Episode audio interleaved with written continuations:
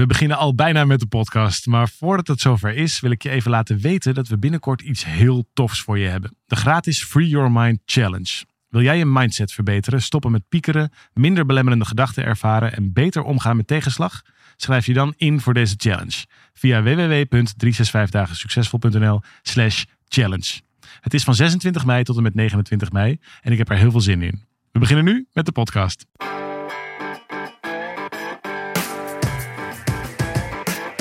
Van harte welkom bij deze podcast van 365 dagen succesvol.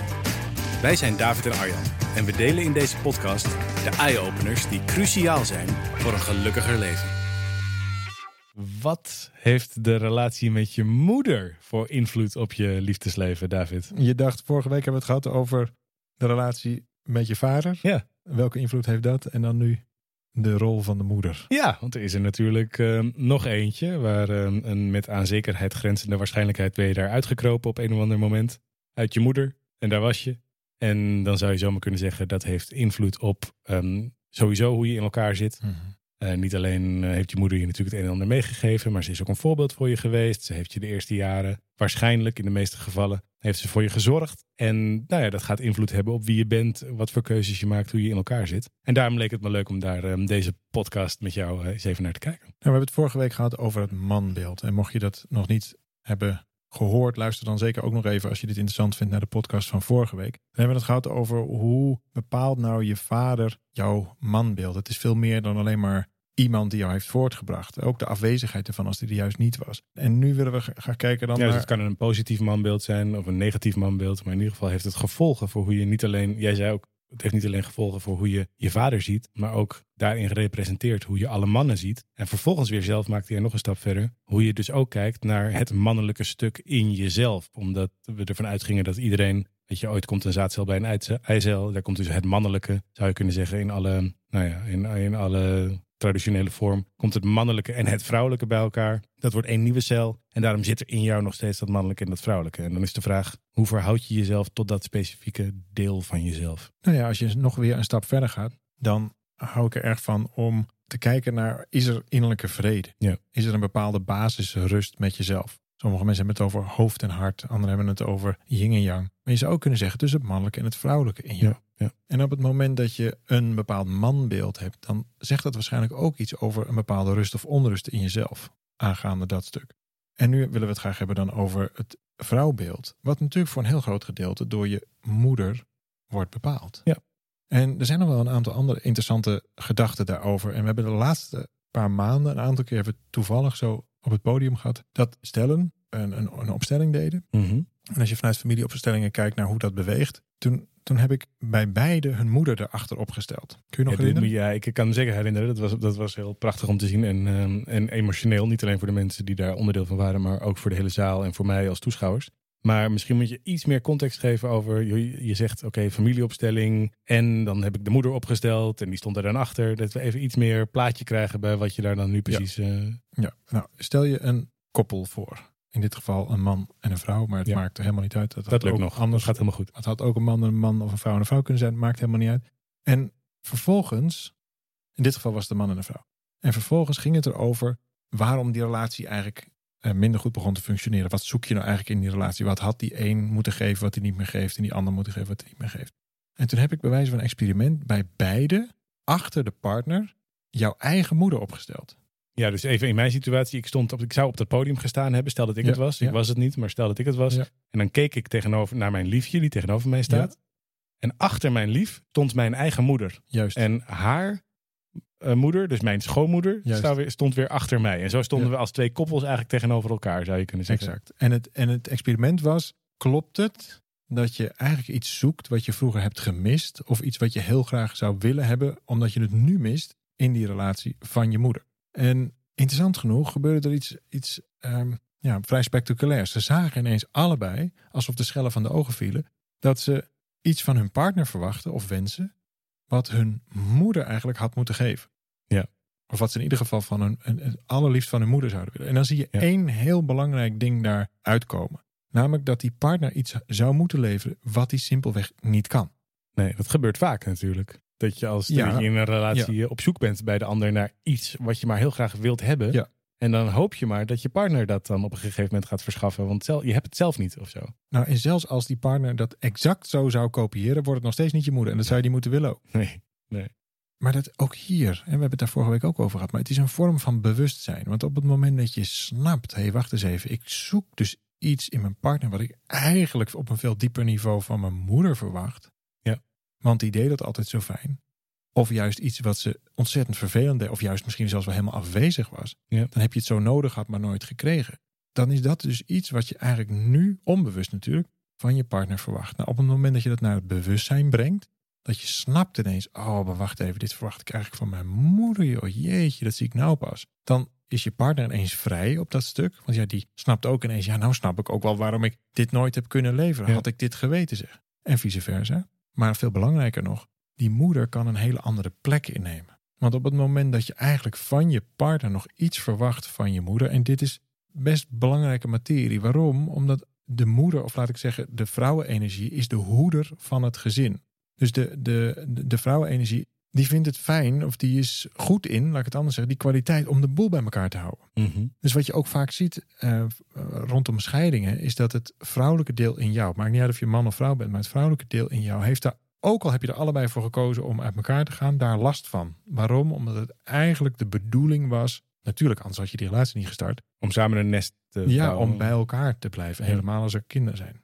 En dat is natuurlijk een heel ander deel wat het op een gegeven moment niet meer wil, et cetera. Maar in ieder geval, die moederenergie, laten we zeggen, die, want het is veel meer dan alleen je moeder. Hè. Het is de, je, je- ik zet het nu even neer zo in het, in het imaginaire beeld van Ja. een, je moeder. Maar het zijn eigenlijk alle vrouwen waar je uit voortkomt, die je daarin ziet. Ja. Je kijkt dus eigenlijk niet naar je moeder, maar je kijkt naar je eigen vrouwelijke stuk. Ja. En als je dat kunt zien en als je ziet dat allebei, wacht even, ik kijk naar mijn eigen vrouwelijke stuk, naar iets wat ik zo gemist heb of iets wat ik zo nodig heb en vice versa, dan snap je dat dat een hele onhandige plek is om het te halen. Nou, op het moment dat je dat kunt herordenen, en dat, daar is even wat, wat hulp bij nodig, maar op het moment dat je dat, nou ja, want je kunt het misschien ook wel, als je hier nou naar zit te luisteren en je denkt, hé, hey, hier ken ik wel wat in, je kunt ook je ogen even dicht doen, tenzij je nu aan het autorijden bent, is een beetje onhandig. Maar even je ogen dicht doen en dan je voorstellen dat je moeder dus niet achter die partner staat, waar je dus via je partner eigenlijk iets van je moeder gedaan wil krijgen, maar dat je je moeder recht aankijkt en dan vervolgens tegen je moeder zegt, mam, zou je je eigen plek willen innemen? En dat is een plek die is achter jou, in plaats van voor jou. En op het moment dat je moeder achter je staat, ook hier hebben we het vorige week kort even over gehad, maar dan ben je eigenlijk jezelf aan het ordenen. Dan haal je eigenlijk terug wat al van jezelf was. Want je komt namelijk uit die vrouw en al die vrouwen daarvoor Ja. kom jij voort. Dus je haalt iets naar binnen. Je bent nu prima in staat om jezelf dat te geven. Niet toen je 6, 7, 8 jaar was, maar wel op deze leeftijd. Ik ga ervan uit als je deze podcast aan het luisteren bent, dat je enige mate van volwassenheid bij jezelf herkent. en, dan, en dan kun je het jezelf nu wel geven. Nou, op het moment dat je dat toestaat bij jezelf. Hé, wacht eens even, ik ben een volwassen persoon. En inderdaad, ik vraag een aantal dingen van mijn partner. Dat is maar zeer de vraag of ik die echt wel aan mijn partner vraag. Of had ik die stiekem al veel eerder nodig? Nou, jij zei net al, de meeste relaties zijn eigenlijk al mislukt voordat ze elkaar überhaupt hebben ontmoet. Nou, dat is precies dit in de kern. Ja. En dan kun je gaan zien, en dat maakt niet meer uit of je moeder nog leeft of dat er überhaupt nog contact mee is. Want je kijkt nogmaals niet per se naar je moeder, maar je kijkt naar het beeld van de vrouw. Ja. Kijk naar het beeld van alle vrouwen waar je uit voort bent gekomen. Dus ook naar jezelf. Dat leeft ook in jou voort, of je nou man of vrouw bent. Ja, ik ken wel voorbeelden van ehm, ook een paar goede vriendinnen van me. Die, hebben, die hadden een moeizame relatie met hun moeder. En zij merkte ook zelf, bijvoorbeeld doordat moeder heel streng was of eh, bij eentje, maar ook omdat moeder heel erg eh, afwezig was bij een ander. Heel erg met zichzelf in de knoop zat en daardoor eh, nou ja, weinig aandacht en liefde voor thuis had. Omdat hij zelf eh, eigenlijk constant met zichzelf staande moest zien te houden. En die, die zeggen dus ook dat een paar van dat soort, zeg maar, traditionele eh, moederdingen, verbinding, aandacht. Dat, dat dus allemaal natuurlijk heel kort door de bocht door het zo te noemen. Maar ik herken het in ieder geval in mijn eigen moeder, die was daar heel goed in. Die, dat, Mhm. dat, dat, dat, dat ze dat dus ook in zekere zin gemist hebben. En het ook heel moeilijk vinden om nu zelf, bijvoorbeeld in een relatie met een man of op een andere manier, daar zelf wel in met diezelfde overgave of verbinding in te gaan. Omdat ze eigenlijk dat voorbeeld niet gehad hebben. En ik heb het wel eens met ze over gehad. Eh, bij een van de twee is de moeder inmiddels overleden. Eh, en die andere leeft nog. En ze hebben allebei de keuze gemaakt om dan nu alsnog die relatie met die moeder te herstellen. De ene door eh, naar de toe te gaan, bloemen mee te nemen, daar gesprekken in te plannen en gewoon te zorgen dat ze elkaar elke week even spraken. Wat eigenlijk voor dat moment bijna niet gebeurde. Bij die ander door een hele lange brief te schrijven naar moeder. Die was, die was inmiddels overleden, maar daar kon je een hele, kon een hele mooie lange brief naar schrijven. Eh, en die is naar het eh, eh, plek gegaan waar de, waar de as lag. En daar heeft ze die brief nog achtergelaten en daar nog bloemen gebracht. En op die manier die relatie soort van opnieuw nieuw leven ingeblazen. Klinkt misschien een beetje raar, maar in ieder geval daar nu nog geprobeerd daar iets van te maken. Vanuit hun stuk. Niet meer wachten totdat moeder het zou doen, zoals je dat als kind gewend bent. Dat het initiatief van mama komt, want die weet hoe het hoort en die weet hoe het moet en die geeft het voorbeeld en die reikt uit. Maar als dat al die tijd niet gebeurd is, om het dan maar vanuit het kind te doen. En zij hebben dus alle twee gemerkt in die jaren die daarna volgden, dat ze vanuit meer ontspanning of meer ehm, vertrouwen, eigenlijk meer verbinding zou je kunnen zeggen, ook in liefdesrelaties durfden te stappen. Doordat ze de plek van die moeder bewust anders hebben ge- gezet. In plaats van een worsteling en verbinding is ook, het is toch niet echt. Of je, voor je het weet word je weer verlaten. Of, eh, dat was het hele verhaal wat er omheen zat. En maar door dat te veranderen, konden ze ook zelf anders naar liefdesrelaties gaan kijken. Ja, dat is mooi. Dat is een mooi voorbeeld. Nu je dit zo zegt, zit ik, zit ik te denken waarom ik het voor mijn exen, voor deze prachtige geliefde die ik nu mag bewonderen. Ehm, maar dat ik het ze heel moeilijk heb gemaakt. In Oh ja? hetzelfde licht. Ja, omdat ik, ik heb echt een geweldige moeder. En die, ik denk dat ik in mijn hoofd daar een, een, een soort, soort ehm, godin van heb gemaakt. Mhm. Die, die, en, en dat is ook zo groot heb gemaakt dat het best wel lastig was in partnerkeuze. Ik denk als Omdat ik ze heel aan, eerlijk ben, aan dezelfde lat moesten voldoen. Nee, ik denk zelfs als ik heel eerlijk ben, dat, dat ik niet zelf heb gekozen voor mijn partners. Maar dat ik eigenlijk in mijn achterhoofd heb gedacht, mag ze wel mee aan tafel? Is deze goed genoeg voor mijn moeder? Ja, is deze goed genoeg voor mijn moeder? Ja. Mag, ik-. Kom ik hier mee thuis? Mag ik hier mee thuiskomen? En dan snap je dat je ineens een heel ander selectiecriterium hebt Ja. dan op het moment dat je gewoon zelf iemand heel leuk vindt. Ja. En toen dat ook een aantal keer stevig mislukte, Ja. toen, dan, eh, door schade en schande leer je dan, het- toen deed ik nog helemaal niets op dit vlak, dus wist ik veel. Ja.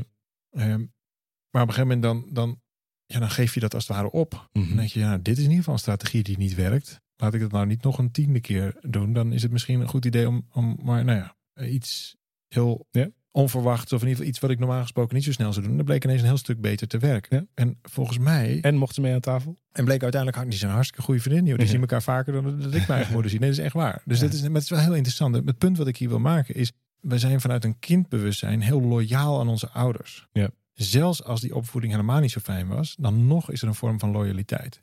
Dus nou, jij net in dat voorbeeld van die twee vriendinnen van jou die je net aanhaalde.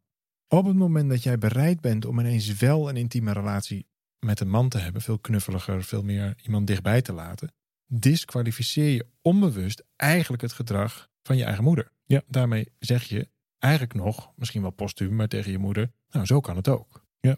En op het moment dat je, en dan moet je misschien heel even iets verder in doordenken, maar stel jezelf eens de vraag, aan wie ben ik nou eigenlijk loyaal? Nou, ik bleek dus heel loyaal te zijn naar het niveau wat ik zelf had bedacht over mijn moeder. Dat was natuurlijk helemaal niet met mijn moeder, maar dat had ik soort van... Nee, had niks met haar te maken. Had eigenlijk al niks meer met Waarschijnlijk mijn had je met moeder die vrouwen prima aan tafel kunnen komen toen er tijd. Dat, zul- dat, dat zullen we nooit weten, maar Nee. dat, dat denk ik. Ja. Maar het zit natuurlijk ook in, kijk, mijn moeder die heeft die plek natuurlijk heel graag ook ingevuld. Van, van gewoon de zorgzame lieve, was altijd thuis, eh, was er altijd voor ons, hielp met van alles en nog wat. Dus dat is echt, het grenst aan het perfecte. En tegelijkertijd was het voor mij dus heel moeilijk om een partnerkeuze te maken daarna. Ja, maar niet eens zozeer volgens mij. Jij zegt omdat je dan de angst had dat die partner werd afgewezen door dat, eh, door dat, dat ideaalbeeld van je Mhm. moeder, wat je er zelf van gemaakt had. Maar daarmee, als je partner werd afgewezen, werd uiteindelijk natuurlijk ook jij afgewezen. Dus die Ja. loyaliteit gaat zo ver dat je zegt: het gaat me niet eens zozeer over dat ik het, het goede wil doen in, het, in de ogen van mijn bijna fantasiemoeder, want het is je eigen Zeker. beeldje ervan. Maar vooral dat ik ehm, wil zorgen dat het zo blijft. Of dat, ik, eh, er, dat er nog net zoveel van mij gehouden wordt, ongeacht die keuzes die ik Ja, maak. ik, ik, en dit is een, een hele interessante vraag. Wie ben ik bereid teleur te stellen? Dus op het moment dat ik met een, een meisje thuis zou komen... die dan misschien niet de zegen van mijn moeder zou kunnen eh, ontvangen... Ja. En dan, eh, dan zou ik daarin teleurstellen. Dat kan natuurlijk niet. Want ja, mijn moeder was natuurlijk geweldig en fantastisch. Die dicht ik daarmee ook veel te veel autoriteit toe. En dat is wel echt een interessant stuk zelfonderzoek. Van aan wie ben je loyaal? En het is vaak zo... Waardoor je uiteindelijk dan maar je liefje teleurstelde. Want daardoor ging die relatie niet werken. Of maakte je die niet, Nou ja, nam in ieder geval maak je serieus. partnerkeuzes op basis van gronden die helemaal niet zo Nee. fair zijn naar een ander ook. En die niet helemaal goed bij jou passen. En, Misschien en zelfs in helemaal niet goed bij mij Nee, passen. nee. Nee, je hebt een verkeerde checklist eigenlijk. om- Exact. Om Nee, exact. te worden. En dat, dat zit dus in een loyaliteitssysteem. En op het moment dat je, maar eigenlijk wat die vriendinnen van jou hebben gedaan, is opnieuw even naar zichzelf gekeken. Oké, maar wacht nou even, dit heb ik zo meegemaakt. Daar vind ik ook van alles van. Daar hebben ze een bepaald oordeel over. Tuurlijk. Ja. En dan zijn ze eigenlijk bereid om die band te herzien. Waardoor je dus heel loyaal kan zijn. Eigenlijk herstellen ze. Ze zijn nog steeds net zo loyaal. Maar dan vanuit een liefdevollere stroom. Dan dat ze loyaal zijn aan. Ja, dit was nou eenmaal stroef. Het was nou eenmaal koud en kil. En daar heb ik nu last van. Ja. Verdorie. Stomme mama. Ja. Nou, dan heb je een stomme mama. En dan vervolgens moet jij er dan in die pijn of in die woede. Eh, of in die, in die machteloosheid. Moet jij dan vervolgens iets van een relatie proberen te bakken. Ja. Nou, dan sta je wel met 10-0 achter. Ja.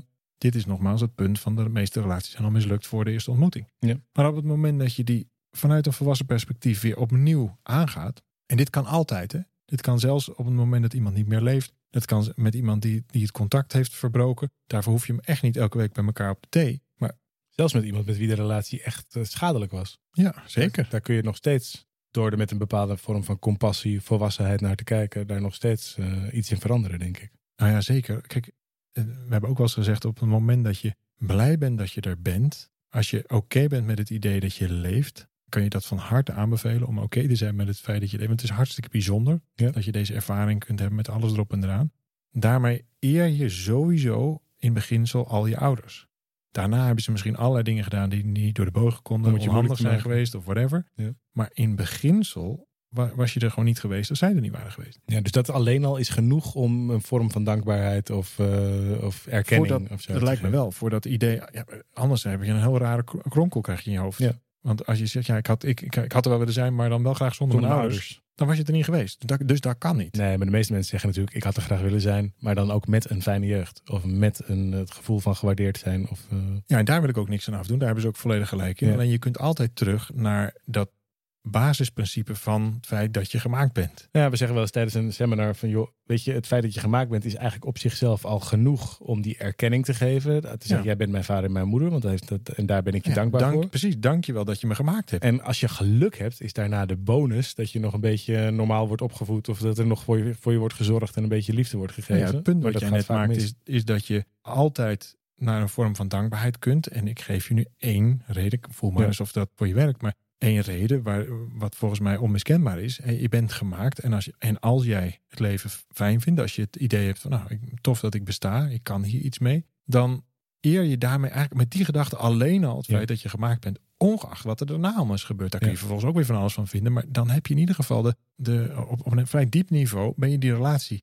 anders aan het inrichten. Nou, op het moment dat je daar naartoe terug kan, dat is eigenlijk ook wat iemand doet die een lange brief schrijft naar de moeder die inmiddels al is overgegaan. Ja, zeker. Dan ga je eigenlijk ook terug naar zo'nzelfde soort vorm, naar eenzelfde soort basis. En, en natuurlijk heeft dat heel veel impact op hoe jij vervolgens je relaties inricht. Ik denk dat die spiegel één op één is. Dus je kunt heel goed de toekomst veranderen door in je eigen verleden een aantal dingen anders neer te zetten. Tell yourself a different story.